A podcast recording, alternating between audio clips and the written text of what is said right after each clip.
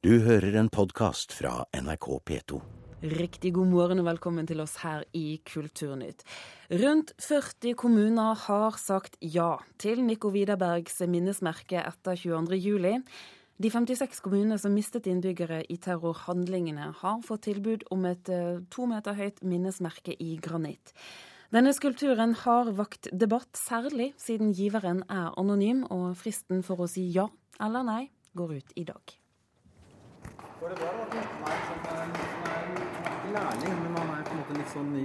I kunstneren Nico Widerbergs atelier i Oslo, omgitt av lange, slanke skulpturer av mennesker i gips og bronse, instruerer kunstneren assistenten sin, som holder på å hogge ut en gipsskulptur fra en form. Nei, ja. men det er ikke sant, det blir litt sånn småskader. Men man må på en måte være tynn over ryggen. Ja, ikke sant. Men det er en annen skulptur som har fått stor oppmerksomhet de siste ukene.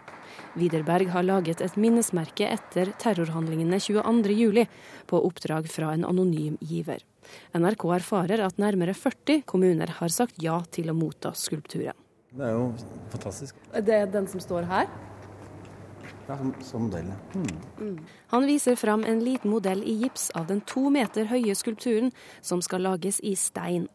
En hul, firkantet steinblokk med utskårede silhuetter av én menneskekropp på hver side. Jeg synes det var en veldig flott tanke at det var tenkt at den skulle stå rundt i alle kommunene, og at det spres utover hele landet. Disse andre minnesmerkene som skal lages, de skal jo på en måte være i Oslo, men det er jo ved Det som var viktig for meg, var at jeg ville ha med men mennesket i skulpturen. Altså, jeg ville ikke bare lage en sånn bauta, men eh, datoen på Denne hendelsen har jo gått inn på oss alle sammen, så alle er jo sterkt berørt av det. Og når den, når den henvendelsen da kom, så følte jeg vel at, eh, at jeg hadde lyst til å prøve å lage noe som skaper noe, som kunne være en, en samlende og en god ting i, i,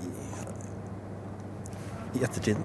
Osterøy utenfor Bergen er en av kommunene som har takket ja til skulpturen, sier ordfører Kari Okte. Jeg syns det var flott at det kom et initiativ slik at dette blir likt rundt omkring i landet. At ikke kommunens økonomi eller andre ting skulle avgjøre hvordan et sånt minnesmerke skulle bli utforma. Det viktigste for meg var at de pårørende var enig i at vi skulle takke ja.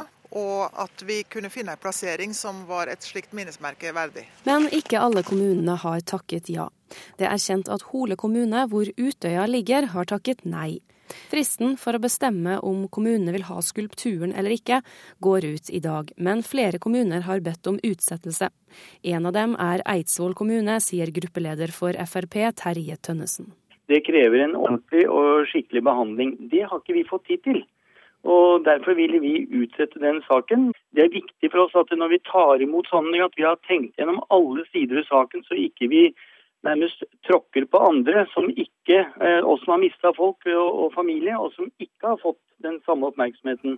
Kunstneren bak minnesmerket synes det er viktig at kommunene selv får bestemme. Flott at de tar egne valg. Det er noen som også har valgt å ikke ta den, ta den imot. Det er også viktig at de ikke føler at dette er noe de må si ja til. Reporter her, det var Eirin Venås Sivertsen. Kulturkommentator her i NRK, Agnes Moxnes. Noen kommuner ber altså mer tid, noen har valgt å si nei. Hvorfor er dette så vanskelig? Ja, De aller fleste har jo sagt ja. De ønsker seg et minnesmerke, som vi hørte her. Altså et minnesmerke som også da knytter kommunene som står sammen om dette her, sammen på et vis. Så også er det, altså, det er jo en fin tanke bak denne gaven, og det er en veldig sjenerøs gave. Men det er jo gjerne sånn at slike minnesmerker tradisjonelt pleier å ta veldig lang tid. Eh, Holocaust-monumentene f.eks. har tatt 40-50 år etter eh, krigen. Fordi det er så mye følelser, eh, mange følelser involvert. Eh, man vil være sikre på at uttrykket som kommer, altså det uttrykket dette minnesmerket uttrykk, uttrykk for, da, at det er eh, riktig. At det står på rett sted. Om man eh, man kan komme til å glemme andre som liksom ikke blir hedret ved å hente frem noen som blir hedret. Eh, så det er så mange spørsmål som skal opp, og det har nok gått litt raskt i svingene her. Hvorfor eh, haster det så voldsomt? Altså, Hvorfor eh, skal det gå så fort? Ja, Det er jo det som har ligget i, i, i utgangspunktet for denne gaven, og at det skulle være en avduking 22.07. Nå er nok det blitt løst opp litt, fordi at det, man har sett at det er praktisk vanskelig. Men det er nok denne litt sånn enhetstanken som ligger i bånn her. Men denne enhetstanken som du har vært inne på nå, hva betyr det da at ikke alle kommuner er med? Ja, det, betyr, altså det var, tanken var at man skulle kunne si nei. Men som vi hører her, så er det ikke så veldig lett å si nei til en slik eh, gave. Eh, nå ber Eidsvoll om mer tid til å tenke seg om. Samtidig så kan vi lese i Aftenposten i dag at noen av familien etter de etterlatte de ønsker at denne skulpturen skal plasseres i, i kommunen. Sånn at, eh, også, Og de som har sagt nei, det er vel da i første rekke Hol kommune, som jo er, Utøya, er Utøya-kommunen. Og de kommer jo til å få et nasjonalt monument. Hole kommune. Dette prosjektet det har vakt eh, debatt. Til slutt, hva synes du om diskusjonen som har vært? Altså det, det, er veldig viktig at det finnes helt sånn krystallklare regler for hvordan man skal forholde seg når noen vil gi en gave. Det er alltid vanskelig å si nei til sjenerøsitet, og så ender det opp med en debatt i ettertid, som det har gjort her, i stedet for at man tar debatten i forkant. Eh, men man er nødt til å kvalitetssikre verk som skal ut i det offentlige rom. Og det er norske kommuner eh, nødt til å ta på alvor nå. Det er, gjør det veldig mye enklere for dem også. Men når det er sagt, da, så har jo altså Norsk Billedhoggerforening, som faktisk gikk ut og anbefalte kommunene å si nei til en skulptur laget av deres eget medlem, som hadde vært medlem i Billedhoggerforeningen i 30 år, altså Nico Widerberg. Det tror jeg oppfattes av veldig mange som både drøyt og ukollegialt. Og man skjønner jo at det handler om prinsipper i bånn her, men dette skulle Norsk Billedhoggerforening ha taklet på en annen måte. Agnes Moxnes, takk for at du var med oss her i Kulturnytt.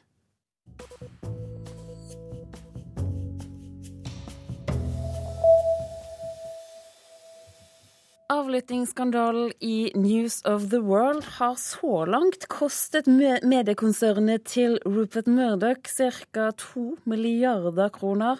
Det viser halvtårsregnskapet som selskapet presenterte i går. En knapp milliard er tapte inntekter etter at avisen ble lagt ned i fjor sommer, mens en drøy milliard er utgifter til advokater og oppreisning til hittil 54 ofre. Rupert Murdoch har nå fått 50 nye søksmål fra ofre som krever erstatning. Men eh, først nå. Bibliotekene kutter kraftig i tilbudet til eldre og uføre. De ti siste årene så er antall besøk på institusjoner mer enn halvert. I år 2000 så rakk bibliotekene drøye 9000 besøk, men eh, ti år etter så var det redusert til knappe 4000. Bibliotekene har også kuttet i antall besøk ut til eldre som bor hjemme.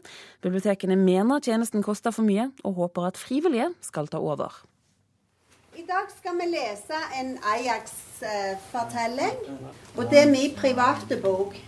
For nå har vi ikke bøker lenger fra biblioteket, så da må vi ta med oss hjemmefra. Det er nye tider for Kirsten Ask på Blidensol dagsenter og sykehjem i Stavanger. Frivillighetskoordinatoren fikk nylig et nedslående brev fra kommunen. Eh, her står det 'Takk for godt samarbeid gjennom mange år'. Og så står det eh, 'Kan dere være så snill å finne de fram' de bøkene som dere har per 15.11.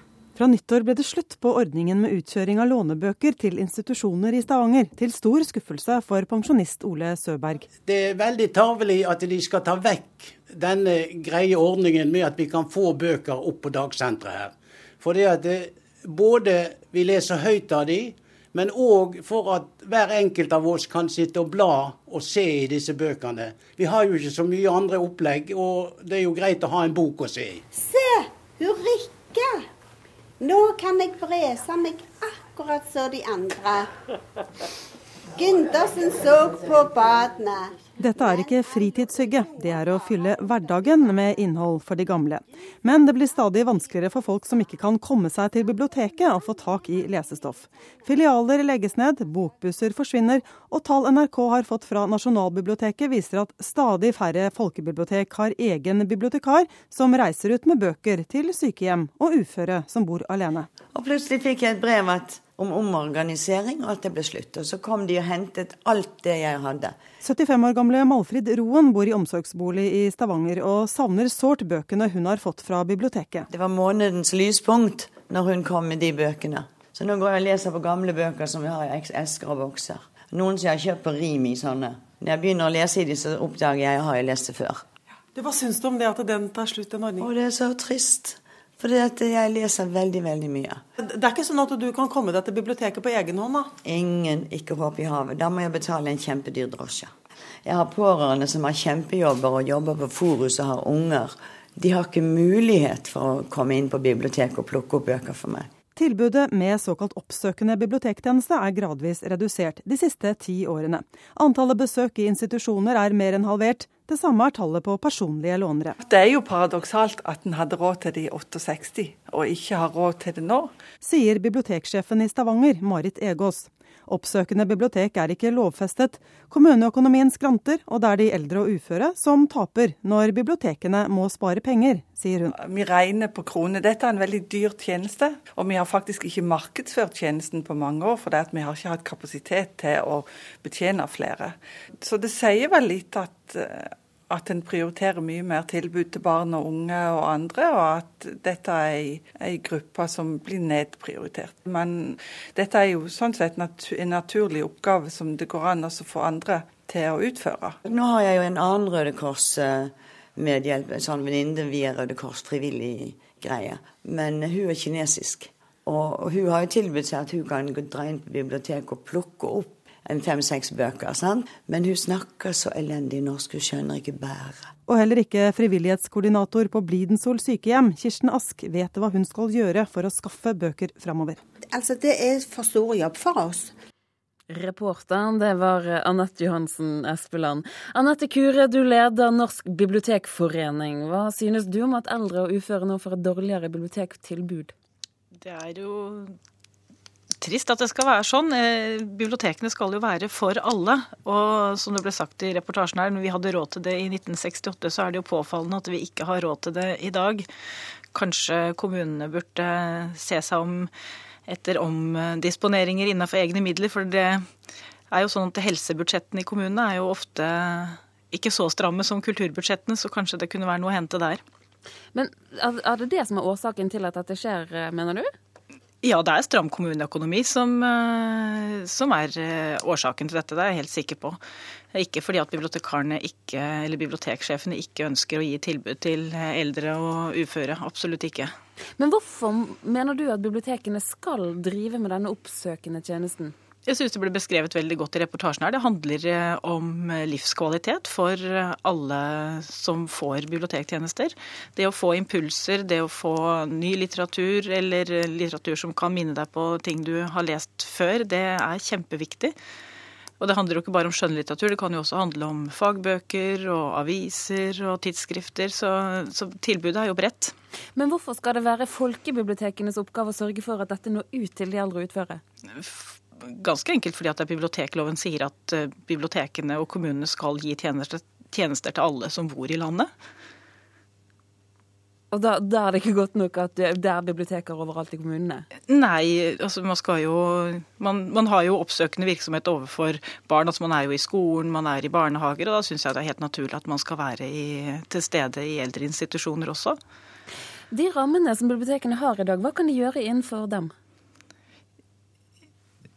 Ofte så er det jo sånn at det er måte, det å ha husleie, bibliotekar og, og tjenester og medier i, i, biblioteklokalene, det er veldig lite rom for eh, opps, altså det å være utafor egen institusjon. Det, det, ser vi jo. Det er stadig strammere budsjetter over hele Norge.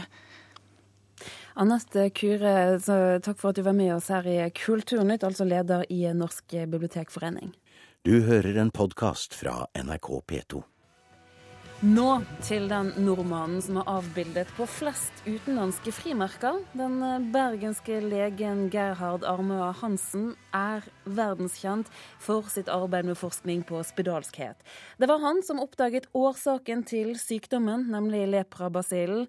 I enkelte gang så blir fremdeles denne sykdommen kalt Hansens sykdom, og nå er det 100 år siden han døde.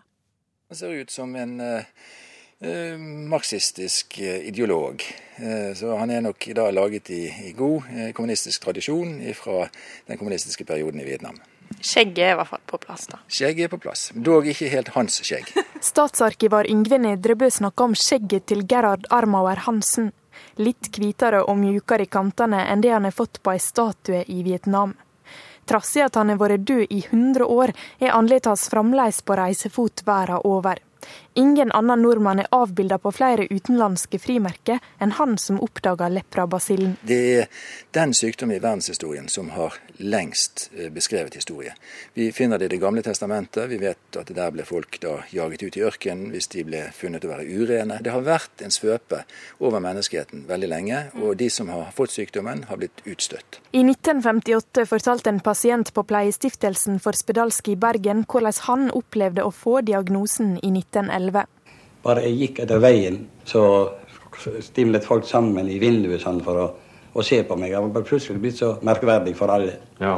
Det var vel i grunnen det verste? Det var forferdelig. Ja. Det var akkurat som man var blitt et rart dyr. Det var ikke i alle land det var naturlig at dette skulle være et forskningsobjekt, men i Norge, fordi vi hadde den spesielle utbredelsen i Europa, fordi eh, vi hadde et nytt medisinsk forskningsmiljø som hadde interesse og, og lyst til å forske på noe som var norsk, så, så ble da denne sykdommen eh, i fokus for dem. Fra 1600- og 1700-tallet og utover var det omtrent bare på Island og i Norge at spedalsk sykdom var utbredt i Europa.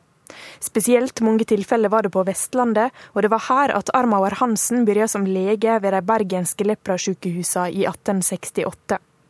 Den 28. februar 1873 gjorde han en oppdaging som senere skulle få stor internasjonal symbolverdi. Men blant papirene på Lepraarkivet til Statsarkivet er det lite å finne om den historiske dagen. Fordi Det vakte i grunnen i samtiden relativt liten oppmerksomhet. Etter hvert som tiden gikk og man fikk eh, leprakongresser, man så det at uh, dette var viktig fordi man da fikk se at dette var en smittsom sykdom. Eh, altså at det å isolere smitten ville kunne eh, redusere og etter hvert eh, knekke sykdommen. Så ble det en viktig forståelse. Jeg kunne rygge tilbake for alt jeg så her av mennesker som var så forferdelig ødelagt at det går nesten ikke an å forklare øynene ute, f.eks. Bare tomme øynehuler igjen. Hvor stor du vil si Armaur Hansens bragd var? Det er nok en ganske stor bragd, men, men, eh, når det er sagt, så må jeg vel innrømme at eh, jeg ikke er den største beundreren av Armaur Hansen. Det har jo da domstolen i Bergen sagt noe om i 1880. For uh, vi hadde da en pasient som het Kari Spissøen, som var spedalsk. og hun ble da utsatt for forskning fra Armøy Hansens side. Hun mente at han ikke hadde innhentet samtykke til å gjøre dette. Han hadde da hentet smittestoff fra en pasient og plassert det smittestoffet inn på øyet hennes.